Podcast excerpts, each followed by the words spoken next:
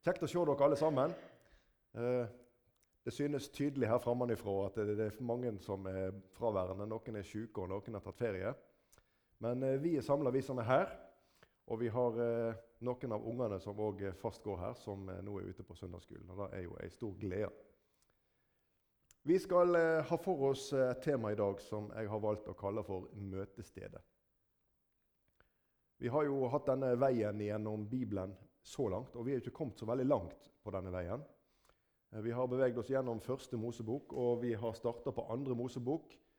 Vi har eh, I forrige gang, den del ti som vi hadde, så eh, fortalte vi litt om hvordan det var når Israel starta vandringen fra Egypt. Vi var gjennom de ti plagene eh, og litt om forutsetningene. Vi så litt på det profetiske ordet som lå bak hele hendelsen i forhold til at Israel skulle vandre ut fra Egypt, og på hvilket tidspunkt, og en hel del rundt dette. Når vi forlot eh, Israel forrige bibeltime, for å si, så eh, starta de på ørkenvandringen. I dag så er det siste møte før ferien, og denne del 11 den blir et uh, lite stopp i temaet. Vi skal ikke vandre videre gjennom ørkenen i dag, men jeg har lyst til å minne om bibelordets betydning. Vi hadde et uh, møte som vi hadde en slags uh, introduksjon til denne veien gjennom Bibelen. Da snakket jeg en hel del om viktigheten av bibelordet. Jeg sa en hel del om betydningen av det i vårt gudsforhold. Og jeg sa en hel del om betydningen av det i vårt daglige og praktiske tilvære.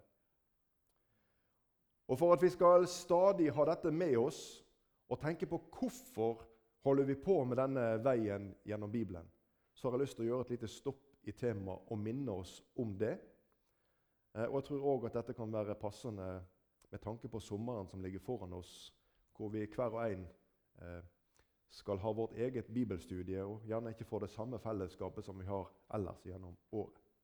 Vi ber først av alt. Herre Jesus, vi takker deg, og vi priser navnet ditt, Herre, for det ordet som du har gitt oss, og for at vi får ha det rikelig imellom oss. Nå ber vi, Herre, om at du ved din ånd skal røre ved hjertene våre. Ja, Vi ber Herre Jesus om at vi skal få kjenne òg i fortsettelsen, slik som vi nå har fått oppleve, at du rører ved oss, Jesus. Når ditt navn blir holdt frem, Herre, når ditt ord rent og klart, Jesus, får ta plass imellom oss, så ber vi, Herre Jesus, rør ved oss du, og gi oss ord, Herre, til våre hjerter, så vi både kan grunne på og leve på i dagene som ligger foran. Velsign stunder i ditt hellige navn. Amen. I 2. Timotius brev, kapittel 3, og vers 16-17, der leser vi Hele Skriften er innåndet av Gud og nyttig til lærdom, til overbevisning, til rettledning, til opptuktelse i rettferdighet, for at For det er en grunn her. For at Guds menneske kan være fullkomment, satt i stand til all god gjerning. Jeg har lyst til at vi skal ta litt tid til disse fire elementene som ligger i det 16. verset. Skriften, den hele Skrift, altså, er innåndet av Gud, og den er nyttig til lærdom, leste vi. Til lærdom om hva? Jo, Bibelen lærer oss en hel del om og Dette hørtes nesten ut som tittelen på en sånn eh, leksikon. Hvem, hva, hvor og hvordan. Og Dette berører ikke bare hvem og hva og hvor og hvordan i bibelhistorisk perspektiv. Dette er også anvendelig lærdom som er relevant for vårt daglige liv med Jesus. Bibelen inneholder svar på svært mange spørsmål som møter oss i det daglige. Vi kan lære av Jesu ord. Vi kan lære av Skriftene når vi trenger trøst, når vi trenger visdom, når vi trenger svar på spørsmål som vi ikke sjøl klarer å løse, eller som vi kanskje opplever er vanskelig å få svar fra andre mennesker på. Vi trenger Bibelens lærdom om hvordan vi skal leve våre liv sammen med Jesus. Vi trenger visdom til hvor vi skal sette vårt fot. Hvor skal vi rette vårt øre inn når vi skal lytte til forkynnelsen? Og hva skal vi høre på? Bibelen er nyttig til lærdom. I Romane 15,4 så står det og alt som før er skrevet Dette skriver jo Paulus når han refererer til Skriftene, Det gamle testamentet. Vi er jo så heldige at vi har ett til, det nye. Alt som før er skrevet, det er skrevet til lærdom for oss, for at vi skal ha håp ved det tålmodet og den trøsten som Skriftene gir. Så det er altså skrevet til lærdom for oss. Så er også Skriften gitt oss til overbevisning. Og denne overbevisningen den henger nøye sammen med troen. Ja, For det er jo slik at hvis vi tar inn, la oss eh, være i et vanlig verdslig perspektiv, at hvis vi skal tro på noe, eksempelvis tro på hvilket vær det skal bli i morgen, så er det basert på at vi har en referanse for det vi baserer vår tro på, ofte værmeldingen. Og Vi har ulike referanser for ulike ting som vi fester lit til her i tiden. Men denne overbevisningen som vi snakker om her, den er i et annet perspektiv. Dette handler ikke om vær og vind. Dette handler om overbevisning til frelse, til utfrielse fra synd. En overbevisning om Guds makt til hva Han kan gjøre i ditt og mitt liv i det daglige, her i tiden. Du skjønner, Underets tid er ikke forbi. Vi har delt bønneemner imellom oss her nå tidligere i møtet. Og vi fester lit til at Gud har makt til å gripe inn og gjøre noe med disse tingene som vi legger fram for ham.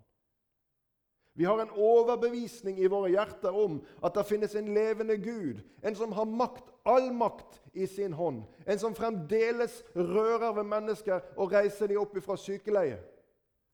Og vi er så velsigna her i menigheten som har gjort egenerfaringer med at mennesker vi har fått bedt for, de vi har fått sett at Gud har rørt ved og gjort dem friske igjen. Halleluja. For en Gud vi har med å gjøre.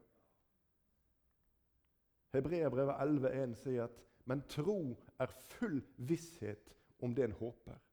Overbevisning om ting en ikke ser.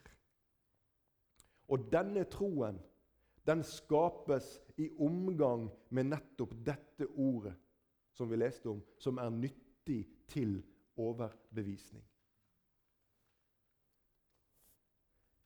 Men bibelordet er også nyttig til rettledning, leste vi. Og Det dukker opp mange spørsmål i våre egne liv og jeg har sittet mer enn én en gang sammen med andre mennesker som kommer med disse spørsmålene. Hvordan kan jeg kjenne Guds vilje? Hvordan skal jeg kunne skille rett ifra galt? Og ikke minst hvordan kan jeg få et mer kraftfylt kristenliv? Jeg ser på andre og ser at de tilsynelatende har stor kraft i sine liv. Det synes som de har en annen glede enn jeg har i mitt hjerte. Det synes som at de klarer å kaste bekymringene over på Gud på en annen måte enn det jeg får til. Hvordan kan jeg få oppnå et kraftfullt kristent liv, et, et liv som er prega av Jesus' seier over tingene, også de tingene som finnes i mitt liv? Og hvordan kan jeg kjenne Guds plan med mitt liv? Går det an å kjenne Guds plan med mitt liv? Du Svaret på alle disse tingene de ligger i bibelordet.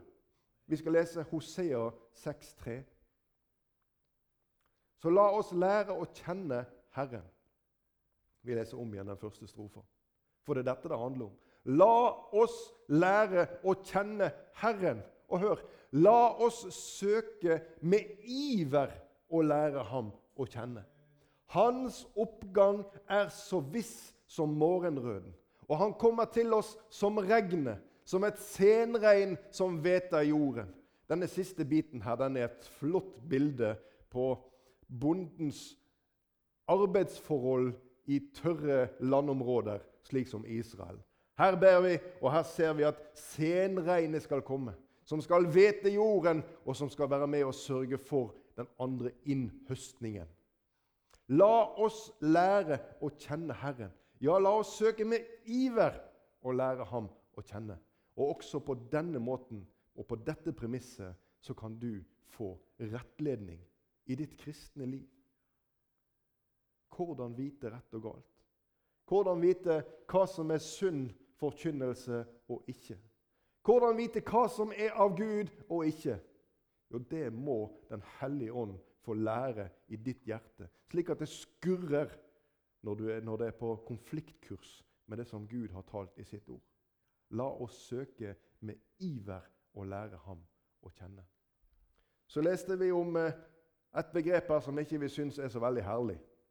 At denne skriften den er nyttig til opptuktelse. La meg få lov til å omformulere litt og si til åndelig oppdragelse. For tukten er ikke for straffens skyld. Den har en hensikt. Denne opptuktelsen vi snakker om her, er ikke en fysisk avstraffelse.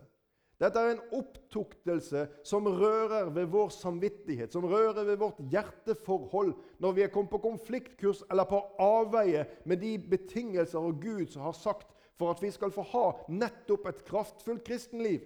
Dette berører mer enn selve frelsesspørsmålet i form av budene 'du skal ikke lyge, du skal ikke drepe'. Det er mer enn dette. Det er en mye, mye større dybde i det som ligger i dette begrepet om opptuktelse.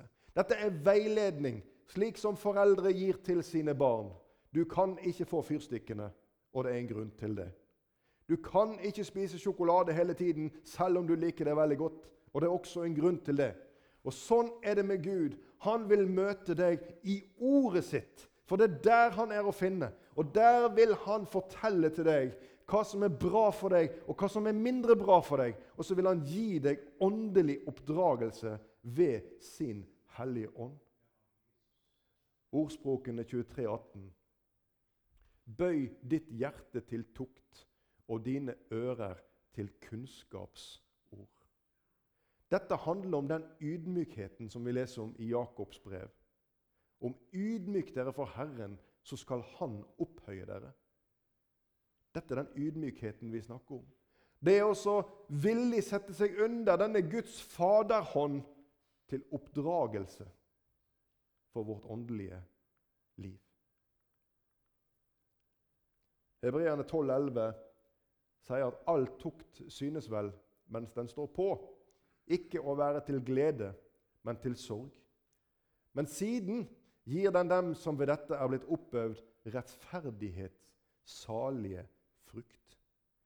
Du, Her ligger ikke bare gulrøtter og gullklumper, men her ligger en virkelig motivasjonsfaktor i dette å være under Guds og Den hellige ånd og ordets tukt, eller oppdragelse, om du vil. Frukten her i enden er rettferdighets salige frukt. Gud ønsker å styrke ditt og mitt hjerte. Gud ønsker å fylle dine kar med himmelsk glede. Gud ønsker at du skal ha blikket ditt, som vi leser i Kolosserbrevet, festet på det som er der oppe, og ikke det som er her nede. Og Dette er noe av den bønna vi hørte om i denne sangen som Erlend sang om her.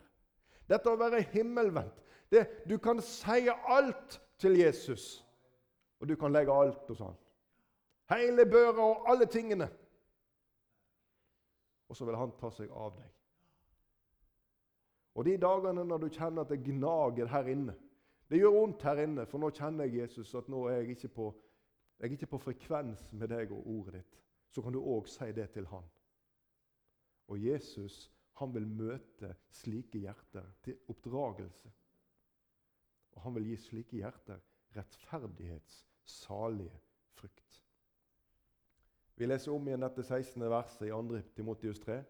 Hele Skriften er innåndet av Gud og nyttig til lærdom, til overbevisning, til rettledning, til opptuktelse i rettferdighet. Og resultatet det leser vi om i det 17. verset. Resultatet det er fullkommenhet og istandsettelse til all god gjerning. Og Med disse ikke veldig grundige beskrivelsene for dette bibelverset kunne vi hatt mer enn én en bibeltime om. Men med disse, disse, beskrivelsene som jeg nå har gitt dere her, så vil jeg si at Bibelen, sett i perspektiv av det vi nå har snakket om, ofte er undervurdert. Du, Denne boka, Guds ord Tenk på det, Bare tenk på tittelen på denne boka. Guds ord. Dette er de ord som Gud har gitt til oss mennesker. som vi her i dette landet har ofte mange eksemplarer av i hjemmene våre. Denne boka, disse 66 bøkene som, som den består av, som de ordene som Gud har innåndet. Vi leser at Skriften er innåndet av Gud. Og den er skrevet av mennesker, drevet av Den hellige ånd. Og Jeg kan forstå at verdens barn undervurderer Bibelen. Men jeg kjenner på i mitt hjerte at Guds folk undervurderer denne kilden til kraft, til glede, til helse. Guds ord, kjære deg, det må ikke du begrense i ditt liv. Gud ønsker å tale med deg. Hvis du legger sammen hvor mange timer du bruker foran TV-skjermen eller på Internett eller leser andre bøker, og relaterer det til hvor mye tid du bruker til dette Guds ord Gud ønsker å tale med deg. Gud ønsker å vise deg, som han har sagt i ordet sitt, skatter på lønnlige steder. Gud ønsker å åpenbare sin skikkelse for ditt hjertes øye.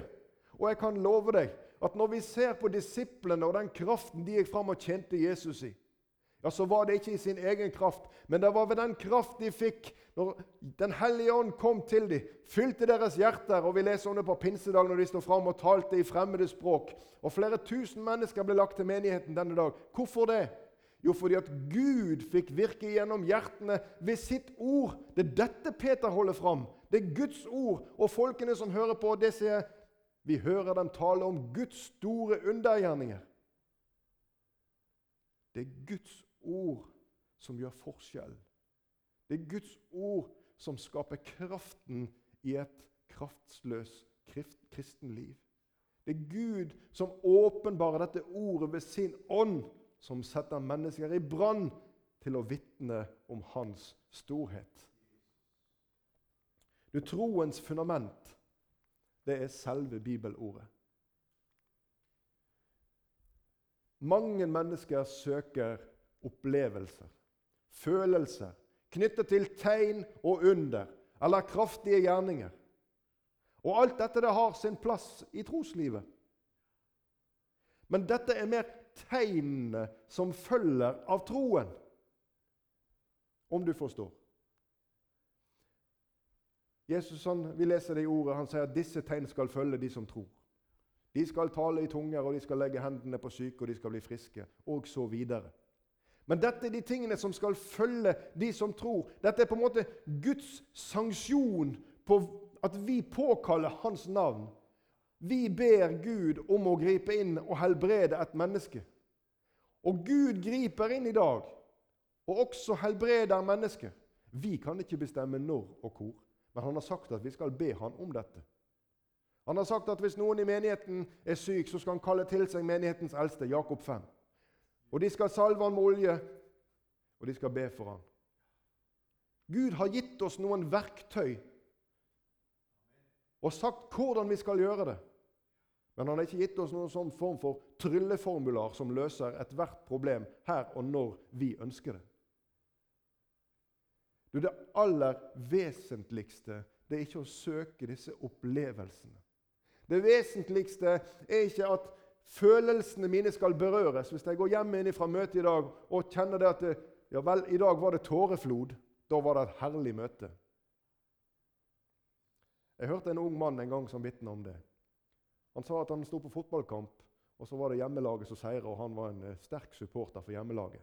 Og når han sto der og de sang denne sangen som jeg eh, ikke kan, om dette fotballaget, og sang, så tok han seg sjøl i å kjenne at tårene de triller nedover kinnene. Og så ble han veldig berørt av dette. Disse følelsene her de kjenner jeg igjen fra et sted. De kjenner jeg igjen fra at noen har fortalt noe som rørte meg følelsesmessig. Og La det ikke være tvil om det, at også Gud rører menneskehjerter, så vi berøres følelsesmessig. Ja, det, vi hadde en herlig broder, Arne Gundersen, han er hjemme hos Herren nå. Han pleide å sånn, si det sånn at når, når Den hellige ånd kommer inn, da kommer vaskevannet ut gjennom øyekrokene. Vi kan la oss berøre av ordet, men vi må ikke forveksle disse følelsene med det som berører troslivet.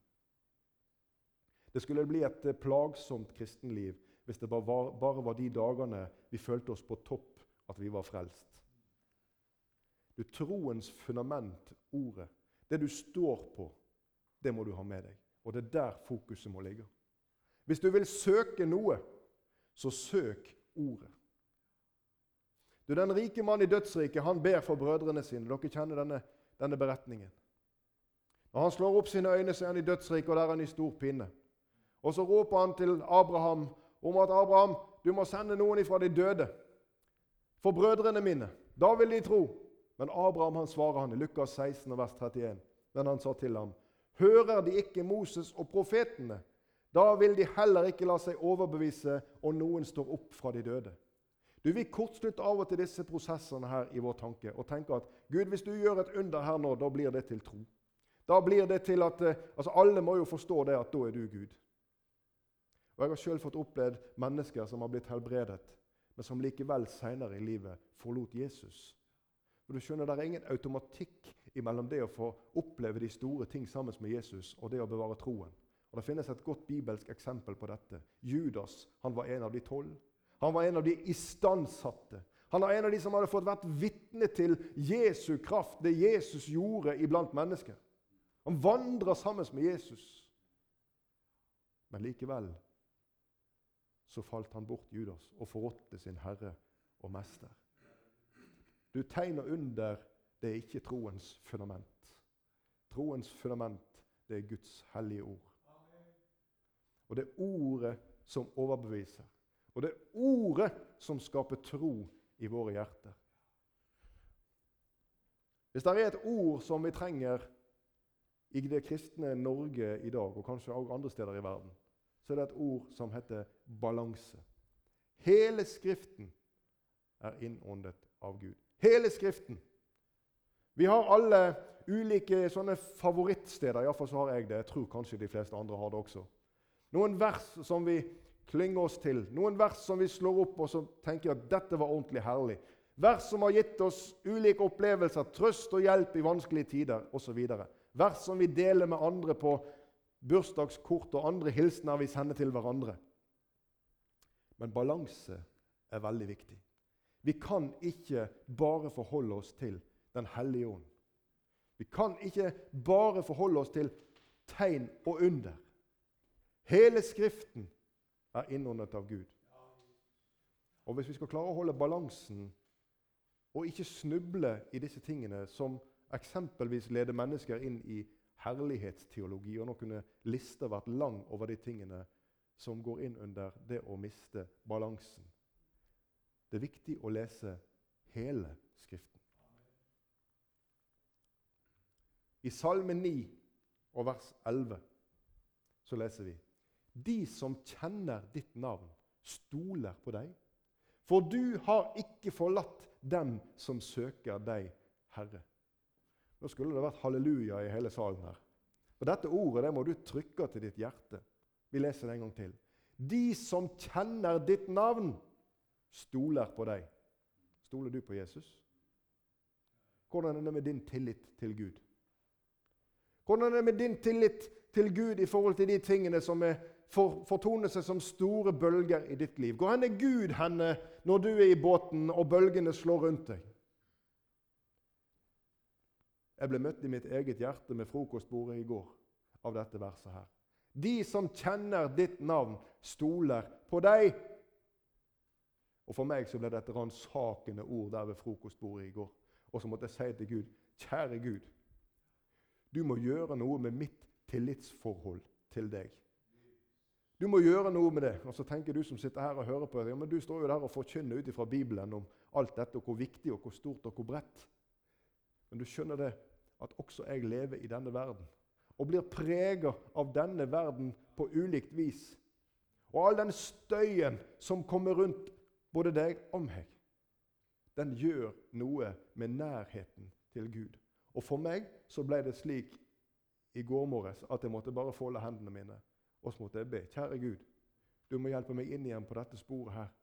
At jeg virkelig kan si at jeg er blant de som kjenner ditt navn. Og ikke bare det, men at jeg hører til blant de som søker deg, Herre. For det er nøkkelen til å kjenne Jesu navn, Guds navn. Så hvordan blir vi kjent med den hellige Gud? Jo, møtestedet mellom Gud og mennesker det skal du legge merke til at det er valgt av Gud. Han har valgt det stedet hvor han vil møte deg og meg. Og han kaller oss til dette stedet. Her i menigheten så har vi hatt en rekke bibeltimer som har eh, kretsa omkring temaet tabernaklet og alle de tingene som finnes i tabernaklet.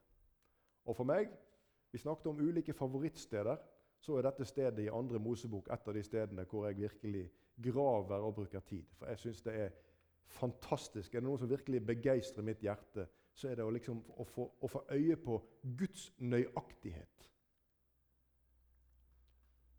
I 2. Mosebok 25 og vers 8 så leser vi Gud sier til Moses.: La dem bygge en helligdom for meg, og jeg vil bo midt iblant dem. Ja, og Dette verset her kunne vi hatt bibeltime om nå. For dette handler om Guds vilje. Tenk det. Med alt som dette folket hadde i bagasjen, med alt som Gud visste som lå foran dem, for Gud kjenner jo også morgendagen, så sier han likevel disse ordene. La de bygge en helligdom for meg, og jeg vil bo midt iblant dem. Det er min vilje, sier Gud, å bo midt iblant dette folket. Og Jeg vil bare helt kort få lov til å si at det var også Guds vilje å sende Jesus til verden. Ikke på grunn av, men på tross av. Du, I tabernaklet det har mange ulike deler. Men i Hebreabrevet 9,5 så står det om disse ting skal vi ikke nå tale i enkeltheter. Og det gjelder òg her i møtet i dag. Det kan ikke vi gjøre. Da blir det et veldig langt møte. Men fokuset som vi skal ha her nå, det handler om nådestolen. 2. Mosebok 25 og 22. Og jeg vil komme sammen med deg der, fra nådestolen mellom begge kirubene som er på vitnesbyrdets ark. Der vil jeg tale med deg om alt det jeg vil pålegge deg å si til Israels barn. Du som iallfall har fått lytte til disse bibeltimer og har lest om dette i Bibelen, du kjenner til begrepet nådestol. Selve lokket på paktens ark. Denne arken som Israel bygde, kledd med gull og med bærestenger. Og Oppå lokket her så står det to kjeruber, englelignende skikkelser, med vingene bredt innover senter på dette lokket. Nådestolen er under vingene på disse kjerubene. Nedpå der skulle det stenkes blod en gang i året. På den store soningsdagen når ypperstepresten gjorde soning både for seg og sitt hus og for all folkets synd. Men her sier Gud noe om dette offerstedet.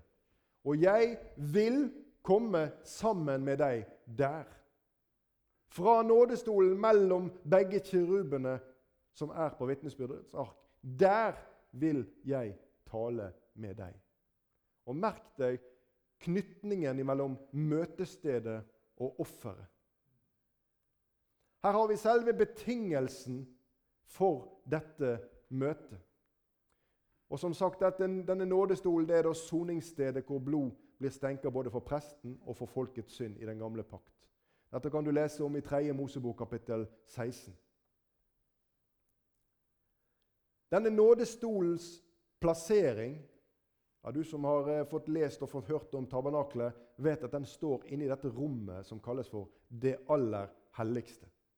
Bakom dette tjukke teppet, hvor bare ypperstepresten hadde adgang. Og som vi leser om at når han skulle gå inn der, så står det at det ikke måtte skje uten blod.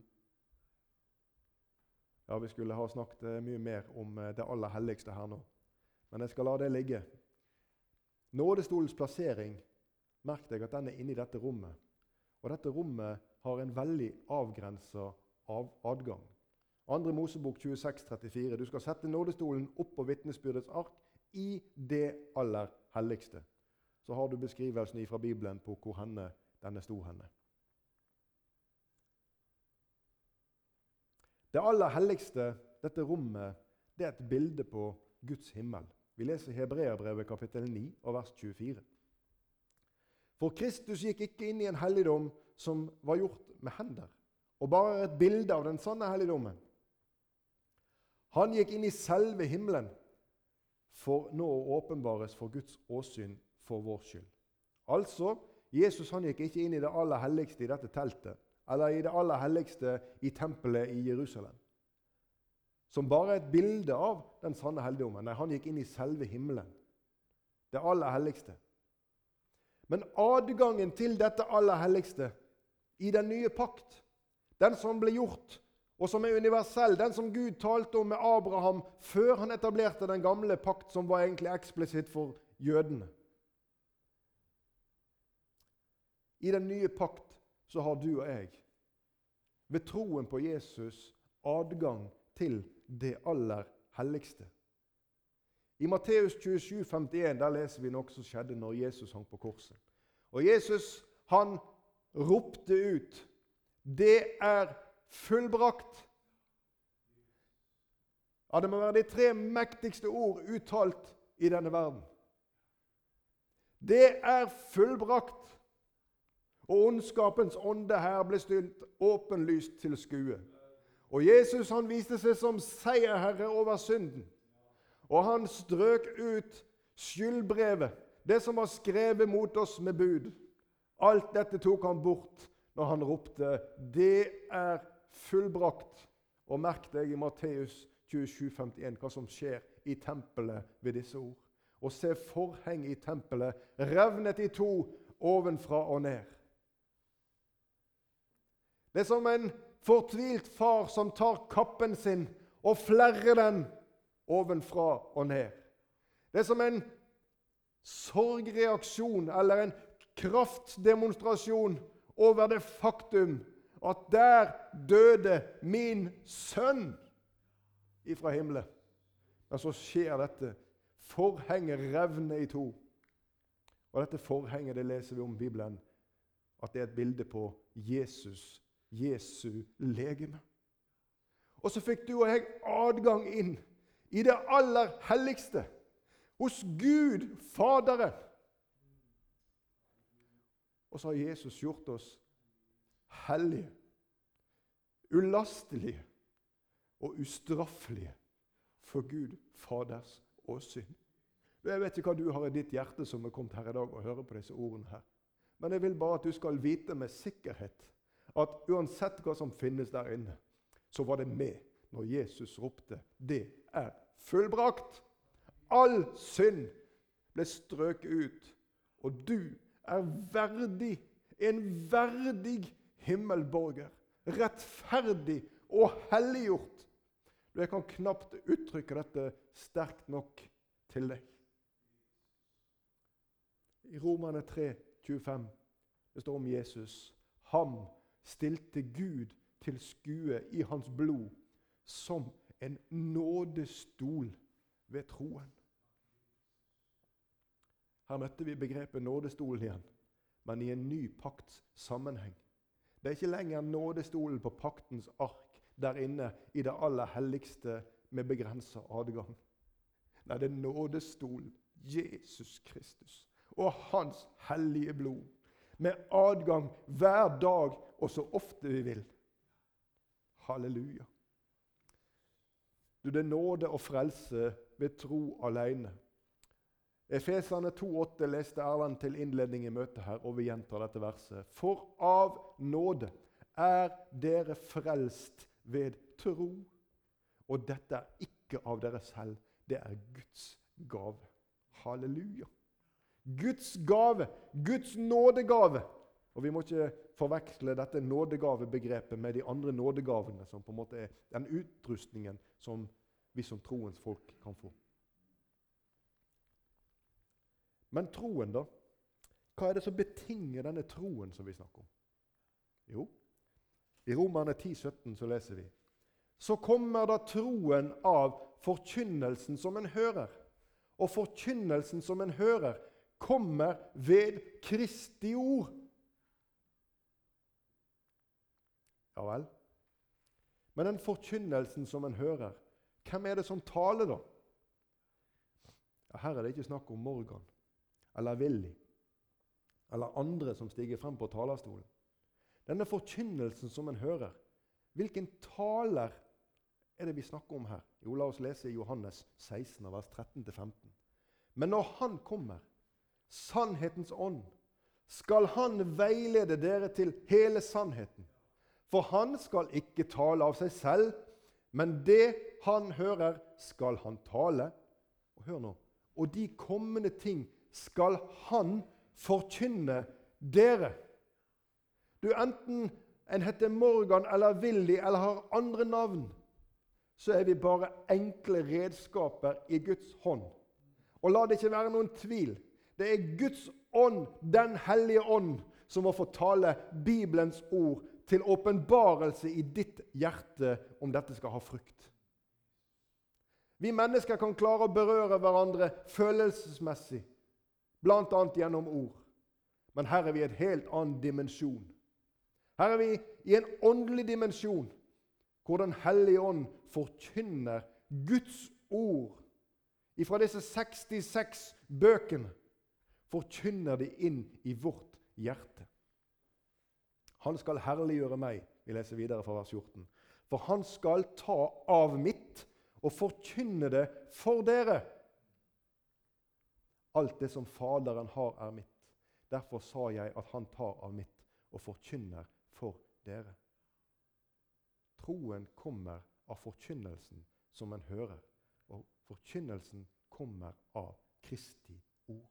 Og det er disse ordene Den hellige ånd taler til åpenbarelse i våre hjerter.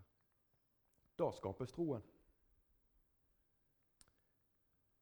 Efeserbrevet 1, vers 17-19. Jeg ber om at vår Herre Jesu Kristi Gud, Herlighetens Far, må gi dere visdoms- og åpenbaringsånd til kunnskap om seg.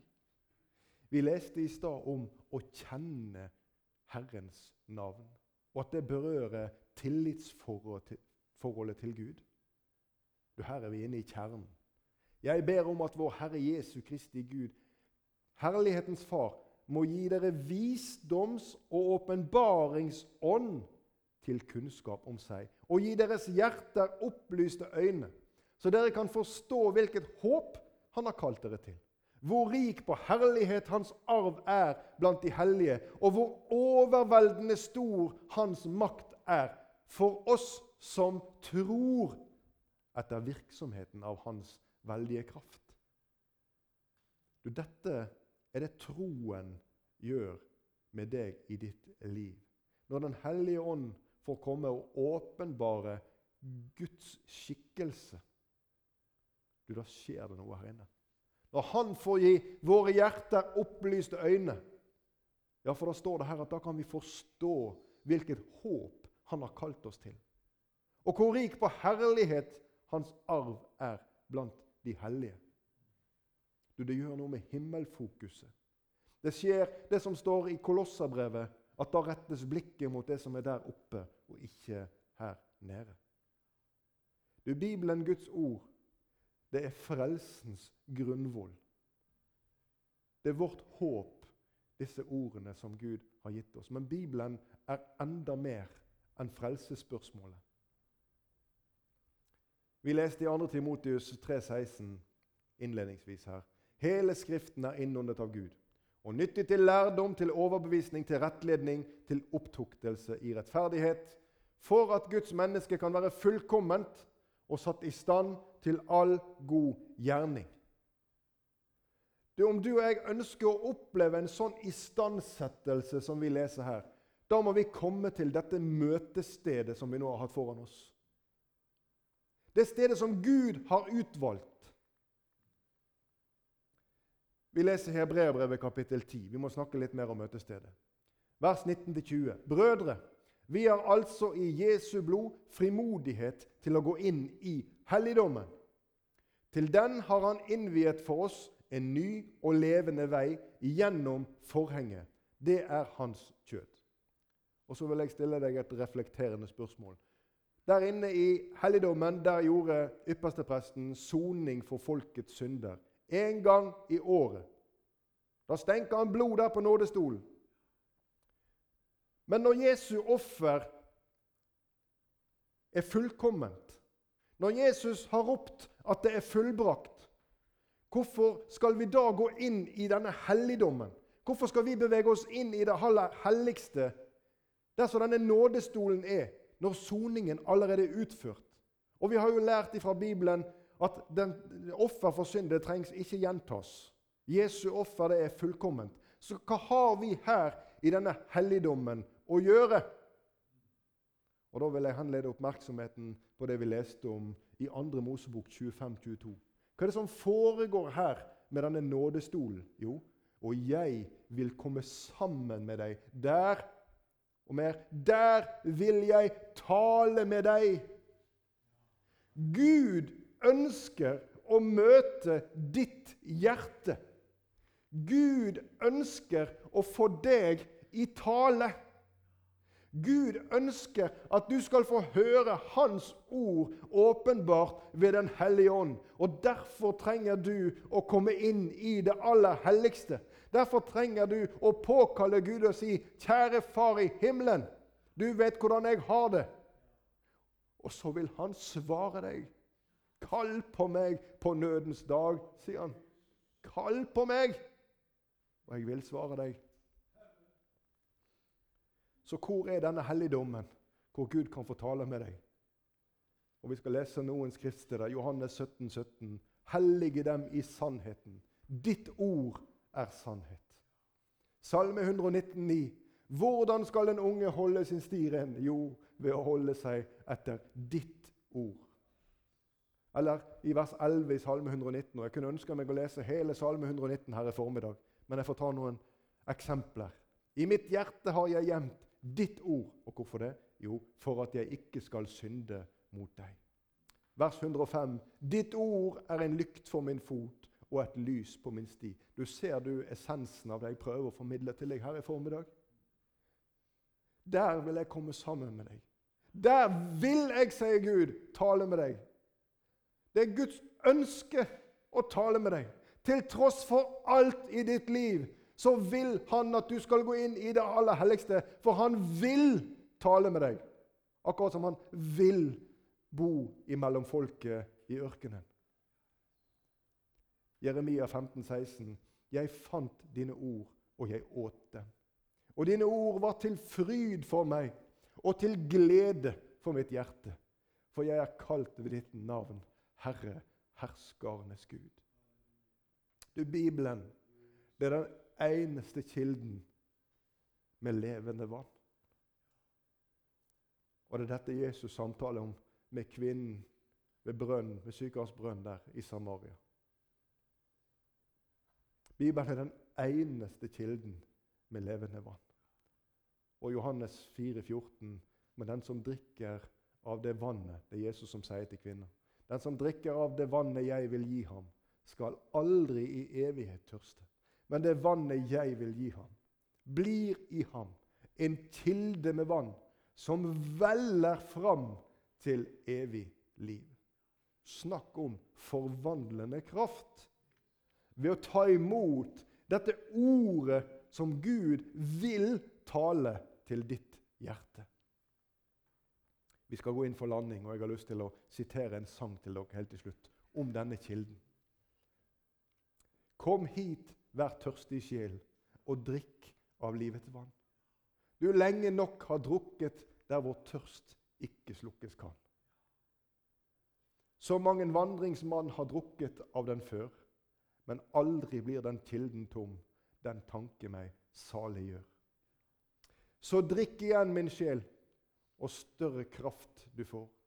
Da kan du svinge åndens sverd når frem i striden du går og refrenget Kom nå til kilden.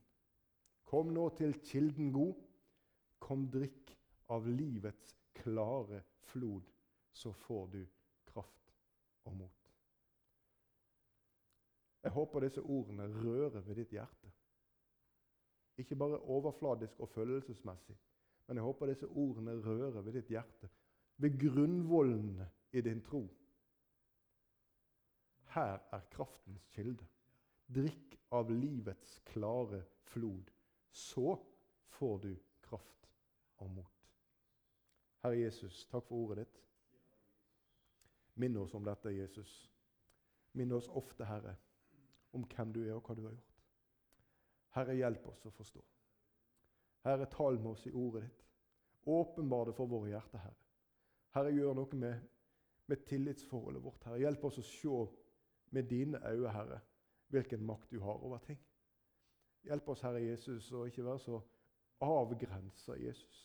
Og sette slike rammer for hva du kan og ikke kan, Herre. Hjelp oss å forstå, Herre, at engelens ord til Maria det gjelder fortsatt. For ingenting er umulig for Gud. Halleluja, Herre. Vi priser navnet ditt, for du er i sannhet den du har sagt deg å være. Velsign disse ordene, og la oss forholde dem og bevare dem i våre hjerter, Herre, gjennom denne sommeren som ligger foran oss. Amen.